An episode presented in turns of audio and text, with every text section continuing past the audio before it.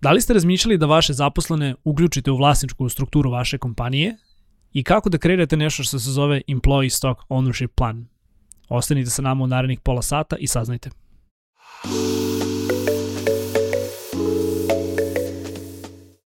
Zdravo ljudi, moje ime je Marko Mudrinić i dobrodošli u još jednu epizodu Office Talks podcasta.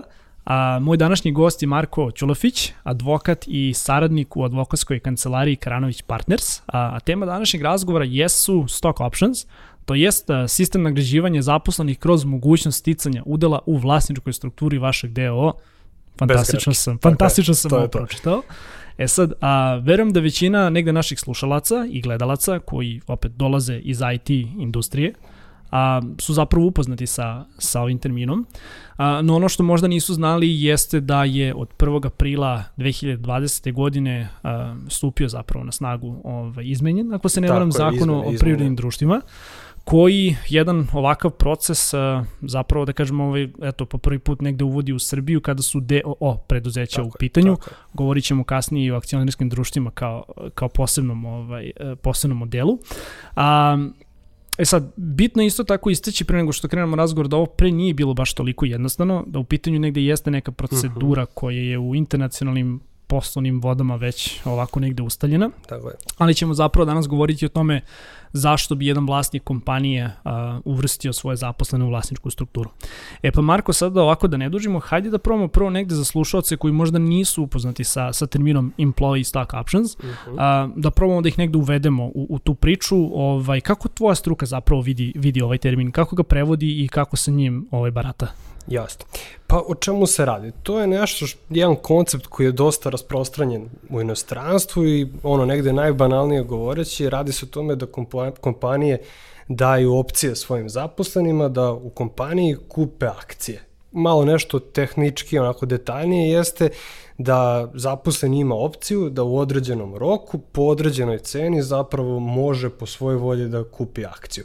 I što si rekao, e, sam termin stock options bilo bi bukvalno i kod nas opcija na akciju, međutim, e, to je kada bismo striktno gledali nešto što se vezuje za akcionarska društva, jel i sam naziv kaže, kod nas je to sad malo, imamo jedan dodatan termin i to su upravo te izmene koje zakon ih naziva a, pravo na sticanje udela to je otprilike ono što je za nas sad interesantno, kod dela jeli, nema akcija, nego udeo i onda zbog toga pravo na sticanje udela.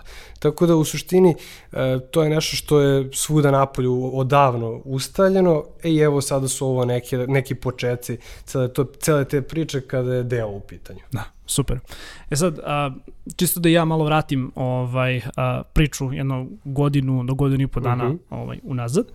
A, Sedeo sam na, na jednom jako interesantnom sastanku sa Nebojšom Đurđevićem iz uh mhm. -huh. inicijative Digitalna Srbija još pre godinu i kusur dana i kao to je bio neki prvi začetak ovoga a, da znam zapravo da se ova izmena zakona, ovde se negde zapravo razgovaralo o tome da se, da se ova izmena zakona ovaj uvede.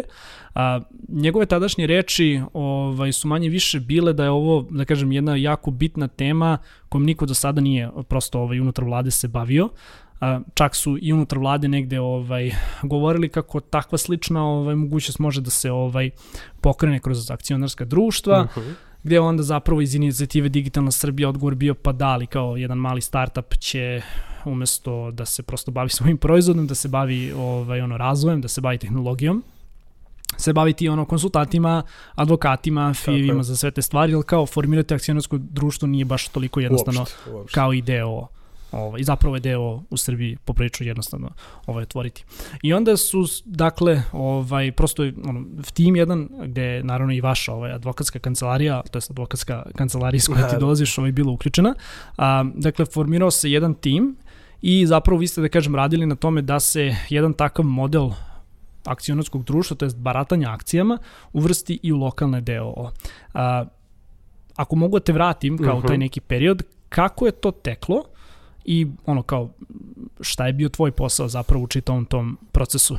Jeste, kao što si rekao, ta ideja već neko vreme postoji na njoj se radilo. Sama inicijativa je krenula od Digitalne Srbije i zajedno sa ministarstvima se krenulo u celu priču. U celoj toj celom tom projektu učestvovalo je više konsultanata, postojala je čitava radna grupa gde smo igrom slučaja bili i mi. I sad negde u početku možda naš neki, naše uključenje u celoj priči jeste bilo to da smo uspeli da identifikujemo bitnost uh, ubaci implementacije uh, opcija iza DO, kako je došlo do toga jeste kada se DSI generalno pozabavio celom tom temom, mi smo prosto kao, e, ljudi, pa nama se stalno javljaju strani klijenti, konstantno imamo upite i pitaju nas kao ovo može kod nas u inostranstvu, kakva je situacija ovde.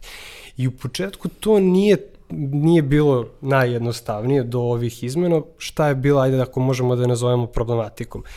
Pre svega, uh, ukoliko su kompanije htele da daju akcije u nekom stranom društvu, primjera radi američko društvo, kaže hoću da dam opcije za akciju u američkoj kompaniji, postoje određene određeni problemi u pravnom okviru u smislu ima srpskom državljaninu upravo mm, to okay, dobro. A, gde zbog propisa o tržištu kapitala i nešto ajde da kažemo o deviznim propisima taj postupak nije baš jednostavan šta više dosta je kompleksan i tek uz krajnje neke napore regulatora uspelo je da se dođe do nekog rešenja, ali i dalje to nije baš najsjajnije.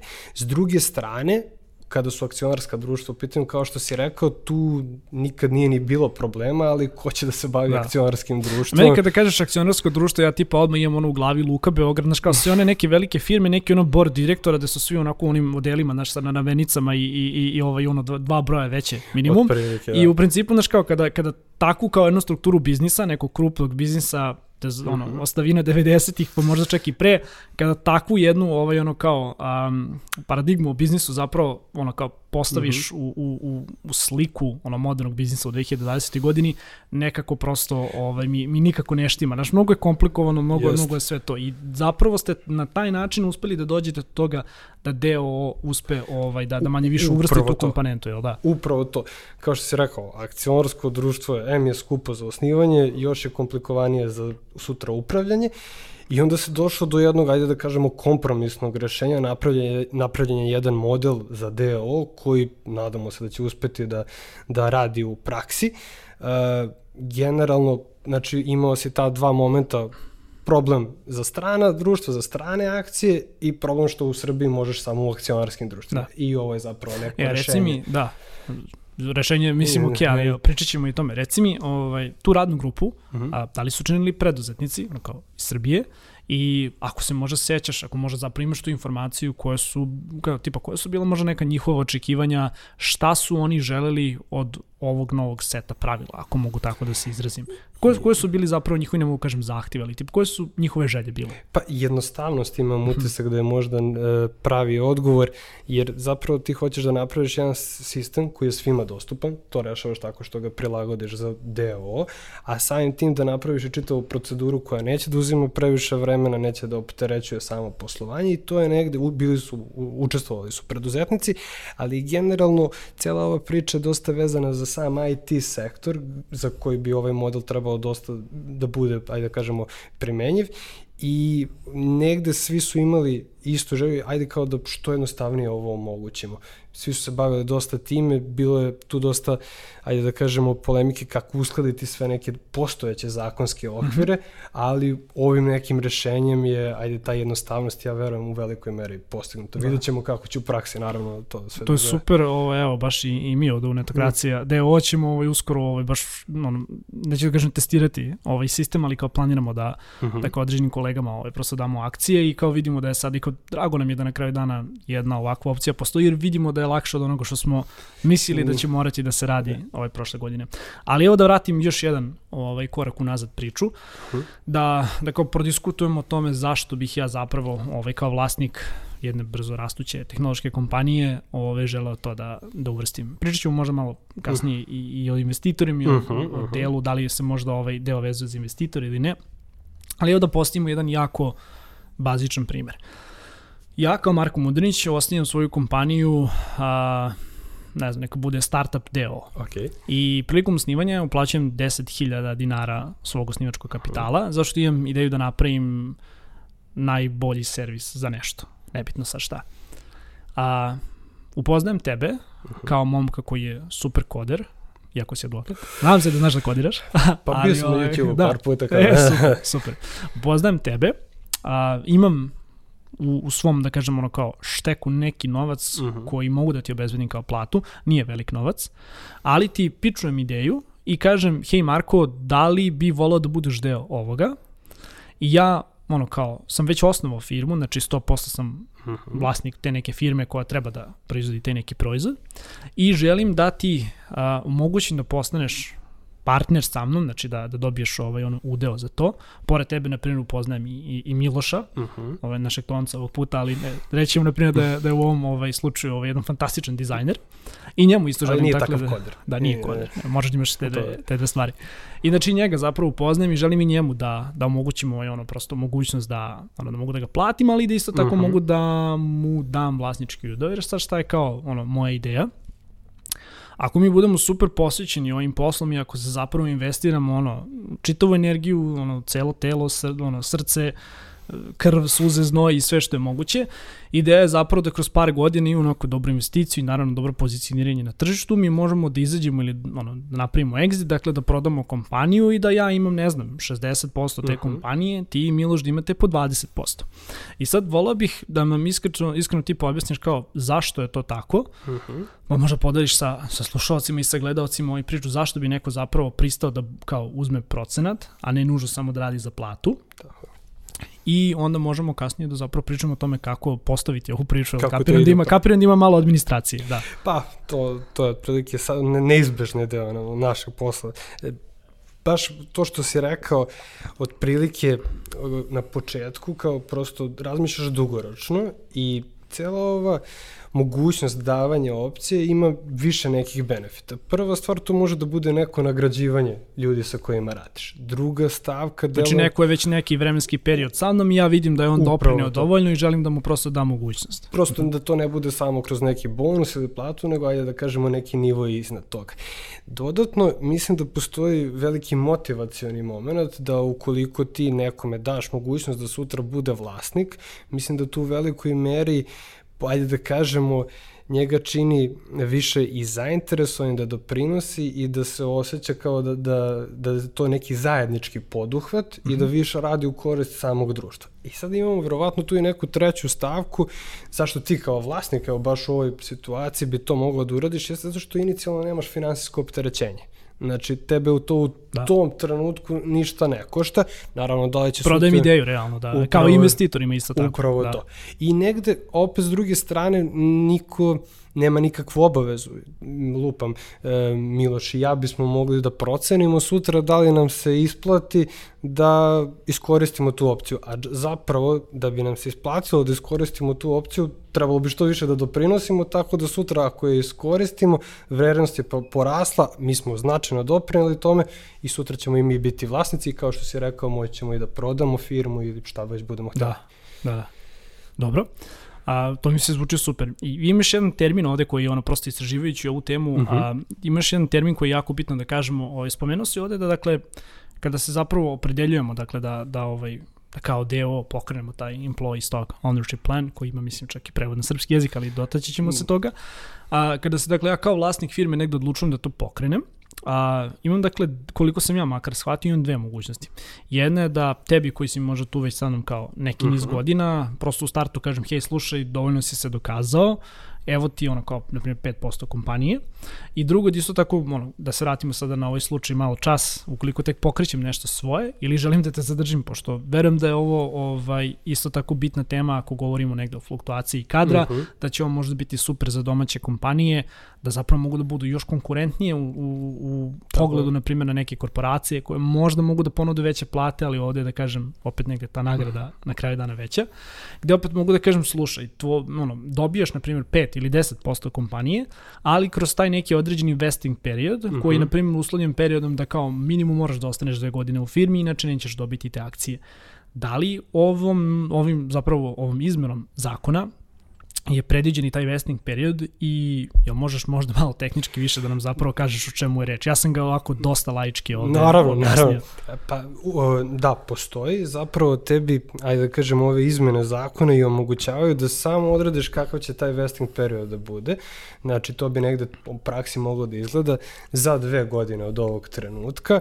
Ukoliko budeš i dalje zaposlen, ti ćeš imati pravo da po određenoj ceni kupiš akciju. Možemo da se možda malo vratimo korak unazad, čisto kako to izgleda, recimo baš na ovom primjeru ti kao vlasnik, ukoliko ti odlučiš zaista da ti je taj neki biznis model prihvatljiv, šta, kako bi to izgledalo? Prvo bi ti od tog svog 100% udela društva, možda sad možda i korak Ne, ako, unazad, ne, ako želimo, ne, ako želimo da govorimo o tome, tipa ono kao koje je, koja je procedura, mislim, možemo da krenemo kao apsolutno, ono, zanima me. Čisto ono kao gledam, nešto možda i da objasnimo ljudima, često se priča o akcijama, da se ne pomeša, akcije su ono, za akcionarska društva, a kada si vlasnik DO, ti zapravo imaš neki udeo. Procenat. Upravo Procent. to, procenat.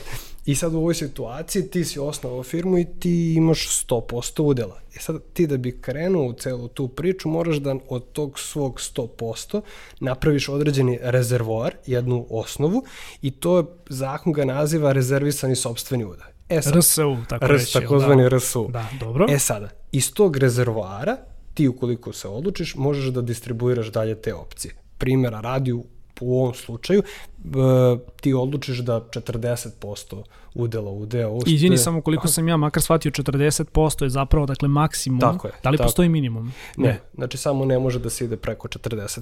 I da li taj RSU može da se menja, povećava vremenom, da kapiram da ne može da se smanjuje, ali može da se povećava. Pa, zavisi, ajde da kažemo, Aha. Kako bi se stvari odvijale, ali generalno tebe ništa ne sprečava da napraviš više različitih RSU-ova u isto vreme. S druge strane, ukoliko neko ne, ajde možda da ne idemo previše u napred, ali definitivno nije problem da se, Da se zadržimo na osnovnom, da. Ako, da se, ako možda tako igraš sa, sa samim rezervisanim sobstvenim udelom.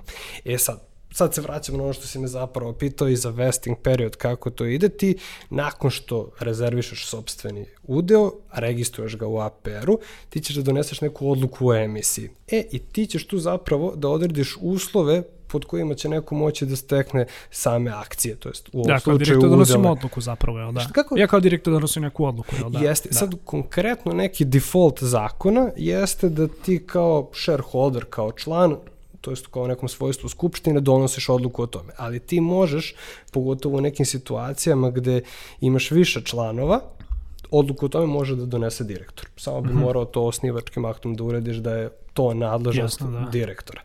A, nakon toga, mi dolazimo do određivanja tih uslova pod kojima opcija važi. To je ono što se, baš taj Vesting, period, da. ti možeš da kažeš i veći period i ono što zapravo negde ima smisla u celoj priči jeste da postaviš i neki uslov. Jer ako ti samo postaviš da za dve godine imaš pravo da izvršiš tu opciju i da stekneš udeo, to tebi neće Da, previše znači, značiti firma može da stoji da ništa ne radi, da, jasno. upravo Znači to. mogu i neki ono konkretni KPI-vi da se stave tu, ali ne znam, tipa treba da dostignemo godišnji promet od toliko i toliko, neki drugi, na primjer, uslov. Apsolutno, znači uslovljenost nekim biznis, da kažemo, Odlukama, ciljevima da. je skroz u redu i zapravo je to je jedan donatan incentiv za samog člana, jer nema smisla da ja tebi dajem možda opciju ako ćeš ti za pola godine da odeš u neku drugu kompaniju. Jasno. Tako da tu postoji neki balans, ajde da kažemo, između ta dva interesa. A koliko je administrativno tipa komplikovano to izvesti? I, i ono, mislim, iskreno da te pitam, koliko je tipa potrebno uključivati advokate, konsultante, da li je lakše Ne može ništa svakako- bez ne može, ne advokata. može ništa bez advokata i konsultanta, pa dobro, evo, i ovaj podcast je iskreno, to da. drago mi je, da. Ali ako možeš tipa, mislim, ono, kao, da probamo da simplifikujemo što je Mhm. više moguće, naravno, za, za naše slušalce i gledaoce, ali tipa kako, mislim, ok, rekli smo kako teče taj proces, koliko, na primjer, dugo traje, šta je potrebno od dokumenta, ono okvirno neko principu ovaj, vreme. U suštini to je jedan straight forward proces, ako možemo tako da kažemo. Znači, prva neka tačka bi bila tvoja, možda bi još plastičnije na tvom primjeru, a, gde ti donosiš odluku o rezervisanju sobstvenog udela, doneseš odluku, registruješ u APR-u. Nakon toga ti doneseš drugu odluku gde ćeš da kažeš koji su uslovi sticanja opcije, tu odluku ćeš zapravo registrovati u centralnom registru hartija od vrednosti. Znači imamo dva organa, imamo APR i centralni registar I nakon toga, u zavisnosti kakve si ti uslove propisao, primjera radi može tek nakon dve godine da se koristi opcija, nakon dve godine ćemo opet otići u centralni registar, pre toga naravno u, onaj ko bude izvršavao opciju mora da je plati i kada se ispune uslovi, ide se do centralnog registra, nakon toga opet u APR gde bi jeli, da. zaposleni da. se registrovao kao član. E sad reci mi kada kažeš da neko zapravo mora da plati, evo na primjer da ostanemo na, na tvom primjeru. Uh mhm. -huh. Ja sam na primjer donao odluku da ukoliko za dve godine naša firma bude zarađivala, ne znam, pola miliona evra godišnje, uh -huh. ti si ispunio svoj ovaj poslovni uh, cilj i stičeš pravo da postaneš vlasnik 20% startup deo ove kompanije čuveni, koju sam ja sad već čuveni. Deo. A, kako zapravo teče taj proces, pošto si rekao da ti zapravo treba od, od firme ili od mene, za iskreno me to mm -hmm. ono kao zanima, treba da otkupiš tih 20%. Da li to mora da bude 20% od ovog osnivačkog kapitala koji sam ja ono prvobitno, dakle, uplatio recimo 10.000 mm -hmm. dinara, pa bi ovo bilo koliko? Dve? Ili ja tipa mogu da kažem, evo ti to po ceni od dinara, što je ona naj, kao najviše moguća simbolična cifra. Kako je to zamišljeno u praksi? Iskreno, zašto i kad sam istraživao uh -huh. temu, to je bilo nešto što mi je onako bilo kao potencijalno pitanje da, da pređem sa, sa tobom. Apsolutno kapiram. To je, nema nikakvih problema da to bude i za dinar. Suštinski, ako se vratimo na onaj rezervoar iz koga delimo uh -huh. opcije, u ovom recimo slučaju Miloš i ja bismo dobili po 50% opcija na tih 40% udela, što hmm. znači Tako. da sutra, ako bismo mi hteli da zaista iskoristimo i Miloš i ja obojica odemo i platimo tu neku cenu koju si ti odredio napred, koja nije vezana nikakvim parametrom. Nakon toga vlasnička struktura bi bila sledeća. Ti imaš 60% sada, a nas dvojica po 20. I to je nešto što se onda menja u APR-u i što stoji. Upravo na... to. Aha. Ono što je ovde, ajde da kažemo, ima jedna dodatna stavka e, za ajde ljude koji se možda nisu previše susretali sa centralnim registrom hartija od vrednosti, tamo uglavnom komunikacija ide preko brokera. Međutim, ovde postoji opcija i da društvo sve to samo uradi. Znači, direktor društva može da podnese dokumenta koja su potrebna i da sutra se posle sa tim idu aperu. Znači, taj neki, ajde ako možemo da kažemo, među proces je pojednostavljen i ide malo brže. Pa, pretpostavljam zato što nije proces trgovine Ovaj, nije, nije kada si na berzi, nije kada kupuješ Tako akcije, je. zapravo je ono manje više straightforward jest, proces. Jest. E, spomenuo si još, mislim, spomenuo si zapravo da eto kao taj centralni registar za uh, hartije od vrednosti, Jeste. ako sam se dobro izrazio, ovaj, je opet deo, deo ove priče. E pa sad moje pitanje, ovaj, Eto, na primjer, ja sam tebi, dakle, ono kao, kroz taj neki vesting period, a, sam ti, dakle, odredio da možeš za dve godine da, da postaneš vlasnik. A, da li su ta prava prenosiva u smislu na, na, na mislim, od, da, još jedna jako bitna stvar ovde što moramo da kažemo, ova nova opcija je za ono, zaposlene u firmi, ali i za treće lica. Tako je. Da. Mi to često vezujemo za zaposlene jer se najčešće pri, da. priča o stock Pričat ćemo o tome, jel, o tim trećim licima mi negde onako veš kao želim da pričam i o investitorima, da li uh -huh. se mhm. možda ovaj deo može za njih koristiti. Uh mhm. -huh. Sa time ćemo možda vaš, završiti vaš. ovu temu. Ali evo, čisto te pitam, dakle, da li se tvoja prava a, ono tipa prenose u smislu, zvuči jako morbidno, ali tipa ovaj, u slučaju ti se nešto desi, ali onako, ne, ne do Bože, da. A, da li tipa, znaš kao, tvoji naslednici tipa mogu da naslede to dok si ti u vesting periodu ili posle vesting perioda, do duše posle vesting perioda kapiram da da, zato što su već ušli u registar, ali samo me zanima zapravo oko prava, da li su prenosiva ili, ili nisu i kako, gleda, kako struka gleda na, gleda na to? U suštini to jeste jedna, ajde da kažemo, specifičnost za, za ove opcije. Jer kao Ona nisu su, akcije, da. Upravo to, i da. nisu prenosiva, nisu ni nasledive posle nakon vesting perioda postoje neka situacija gde naslednici imaju određena prava, ali suštini je odgovor ne. Znači o, -hmm. ova prava, to pravo opcije ne može da se prenese. Mogli bi sad da pričamo... Dobro, još... vezana je, vezana je, iskreno vezana je kao U... i za pojedinačni učinak, ono kao nekoga ko stiče to pravo, Jest. s obzirom, da, okej. Okay. Jer od upravo to neka ideja, cela, da, da. cele opcije... Ne, verujem sve, sve ima logike, to, to, to. ali kao zato, zato te to pitam. Dobro, a sad ajde kao, znaš, govorili smo i o, o, o tim nekim trećim licima, a da li se taj RSU RSU, ajde da ne zvučim mm. kao, kao ovaj mali amerikanac, da li se taj RSU zapravo odnosi negdje i na investitore? Jel, na primjer, ok, znači mi imamo, ovaj, na primjer da pojednostavnim još više ovaj, priču, ja sam na primjer znači, opredelio da moj RSU iznosi 40%, Miloša ja nisam još uvek upoznao, upoznao sam tebe Uh -huh. i tebi sam znači, odredio vesting period od dve godine na 20% i upoznao sam Miloša koji je bogati investitor iz inostranstva ili iz Srbije odakle god, koji zapravo želi da investira u našu kompaniju. I, na primjer, rekli smo da će investirati 100.000 evra u zamenu za 20% kompanije. Mhm. Sad, zvuči očajno, ali moram da se posjetim koja je evaluacija Da. kompanija, ali da, Recimo. u oči nam je matematika. Bukvalno, znači, srami se što, što ne znamo, ali izračunat ću kasnije pa ću da ostavim u linku, u linku ispod videa. Ali, ovaj, da, dakle, imamo tu neku valuaciju ovaj, kompanije. A, jel ja Miloševih 20% mogu da izvučem iz RSU ili se to prosto izlači iz mojih 60%? Kako je to zamišljeno? Jer, jel kapiram da je ovo nešto što opet zove se Employee Stock Ownership Plan, negde je namenjeno zaposlenima, to možda i ne mora da bude 40%, to dakle u ovom slučaju može da bude i daleko, daleko manje. Uh -huh. Ali kako se onda, na primjer, gleda ovaj Pa, odnos prema investitorima? Mislim da je to jedna bitna ajde, stavka koja treba da se ono, ima u vidu. O, cela ova mogućnost sticanja opcije, tačnije pravo na sticanje mm -hmm. udela, nije vezana za same zaposlene. Mi najčešće pričamo o stock options za, za zaposlene, međutim, zakon nije postavio rešenje tako da se to odnosi isključivo na zaposlene, nego to je zapravo i za bilo koja treća lica. Suštinski, sva pravila koja ti važe za zaposlene su apsolutno isto primenjive za investitora. Pa da. Šta, šta to bi u ovom konkretnom slučaju moglo da znači? Ti imaš taj neki maksimum od 40% RSU-a koji možeš da iskoristiš za sticanje opcija. Sad kako ćeš ti to da raspodeliš, to je apsolutno tebi na volju, ako može tako da se kaže. Mm -hmm. Ti svakako i pored toga možeš u odnosu na ovih 60% da prodaš svoj udeo zainteresovanom investitoru, ali ono što recimo mislim da je interesantno, čisto da ljudi ne steknu pogrešnu sliku, u okviru tih 40%. To nije jedan RSU. Ti možeš da imaš jedan RSU koji će činiti 10% od ukupnog udela, pa recimo 30% isto kao neki drugi rezervoar. Prvi, I to ukupno bude 40, ali da imamo to. više tih rezervoara. Upravo da. to. I sad primjera radi ti ovih 30% možeš da iskoristiš za zaposlene, znači da daš opcije zaposlenima, a ovih 10% da iskoristiš recimo za neki poslovne partnere, da. investitore ili slično. U to je super. Zapravo mi se jako, jako sviđa ovaj, ovaj princip rada. Nije ograničeno, da. definitivno. Da. A reci mi, ovaj, u slučaju da, na primjer, ja odlučim, znači, okay, imam tebe i Miloša pod vesting periodu, i odlučim da prodam kompaniju ajde, uključit ćemo u priču, priču žensku osobu, recimo, okay. ovaj, recimo nekoj Milici. Želim da prodam Milici kompaniju u celosti. Uh -huh.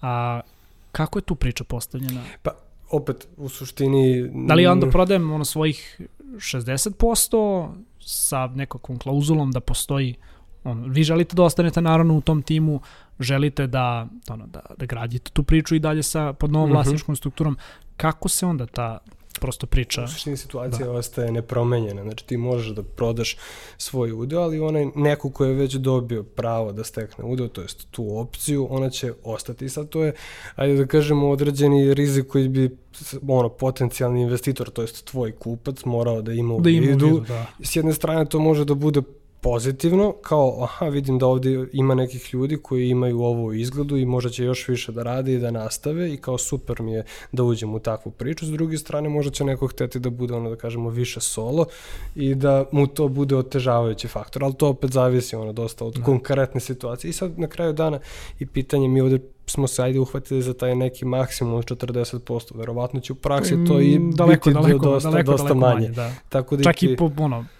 ispod jednog procenta koliko sam ja video za, za neke ono kompanije velike. Upravo to, upravo da. to. Dobro. A, još sam nešto da te pitam. Dobro, polako se bližimo kraju, ali mislim da imamo ovaj, još onako dovoljno vremena da, da prođemo ovaj, jednu finalnu stvar, a to je prema tvojim saznanjima, I mislim, jako mi je žao što, evo, kao, znaš, odlučili smo i mi da u Office Talks ovaj podcastu malo više prostora damo ovoj temi, jer je uh -huh. baš onako nesrećan slučaj bio to što je ovo na snagu stupilo 1. aprila, Jeste negde u periodu kada smo svi ovako ono jurili maske i asepsol po, po apotekama posebno sudeći jurit ćemo, jurit ćemo ponovo, ali ovaj, znaš kao, a, je li imaš tipa saznanja da je neko možda već krenuo da se bavi ovim, a, ako su to teh kompanije, da li bi mogao kao da podeliš šta im, ne, naravno koje su te Mhm, kompanije, ali tip, znaš, kao, ako, ako jesu, ono, bilo bi cool da znamo da su, da su krenuli ovim da se bave. I možda da tipa eventualno se dotaknemo toga, m, pošto ja u glavi kada, kada kažem kao employee stock ownership plan u Srbiji, negde vidim da su to možda neke čak i multinacionalne kompanije koje imaju svoje lokalna deo predstavništva ovde, Mhm.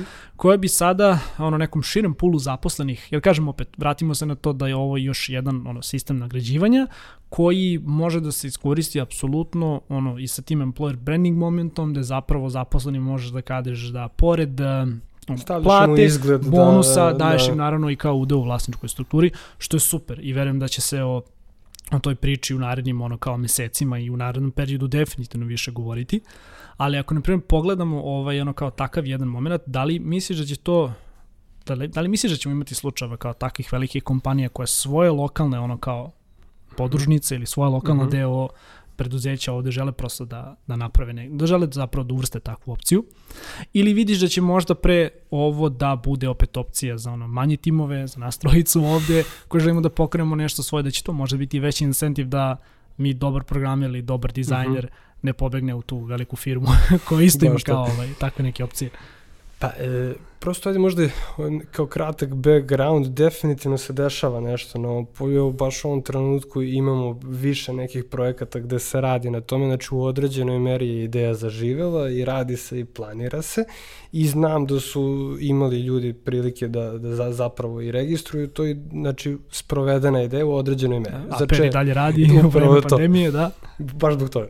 Ali e, u suštini što se tiče toga za ko- koga će to biti, ajde da kažemo, prihvatljivija opcija, negde na, ajde da kažemo, inicijalna misao jeste da je to možda ipak nešto zanimljivije za startupe, za u početku neke manje kompanije gde ho, koje hoće da vežu svoje zaposlene, ali de, evo mislim čisto kao iz prakse dešava se da se jave i multinacionalne kompanije koje se raspituju o tome, znači nije isključivo da. za, za startupe, nego je, ajde da kažemo, pokrivene su i ove Da. veće, veće kompanije.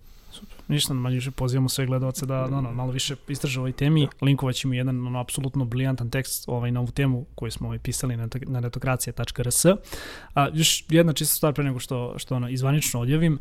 A, iako smo pričali zapravo danas najviše upravo o tehnološkim kompanijama mm Mhm. -hmm. ovde, ovo nije jed, dakle ovo nije nešto što što je naravno namenjeno samo startupima. Da. Ja u principu mogu da pokrenem i pekaru i manje više da iskoristim istu stvar ovaj a, i za Upravo moje to. buduće partnere, da. Ali okej, negde će se najviše jeste, jeste uvijek koristiti, prizvuk da. da. IT, neke IT. industrije. Dobro, zbog može- tog opet, zbog te mogućnosti ovaj, ono, brzog rasta, Upravo gde naravno kao jedini incentiv ne treba da bude to što ja mogu da ti platim kao određeni novac mesečno, koji može biti mali, može Mhm. biti veliki, ali kao u pogledu toga da ćemo mi možda da prodamo našu kompaniju za pet godina i da postanemo multimilioneri, ipak je kao da daleko Jeste, manje. Da. jeste, jeste. Marko, tebi hvala, ovo što si bio današnji gost. Hvala na pozivu. hvala i vama, dragi slušalci i gledalci. A, slušajte nas na Apple podcastu, gledajte nas na YouTubeu, slušajte nas na Pocket castu, slušajte nas na Spotifyu. Toliko od nas za danas, a mi se vidimo prvom narednom prilikom. Ćao!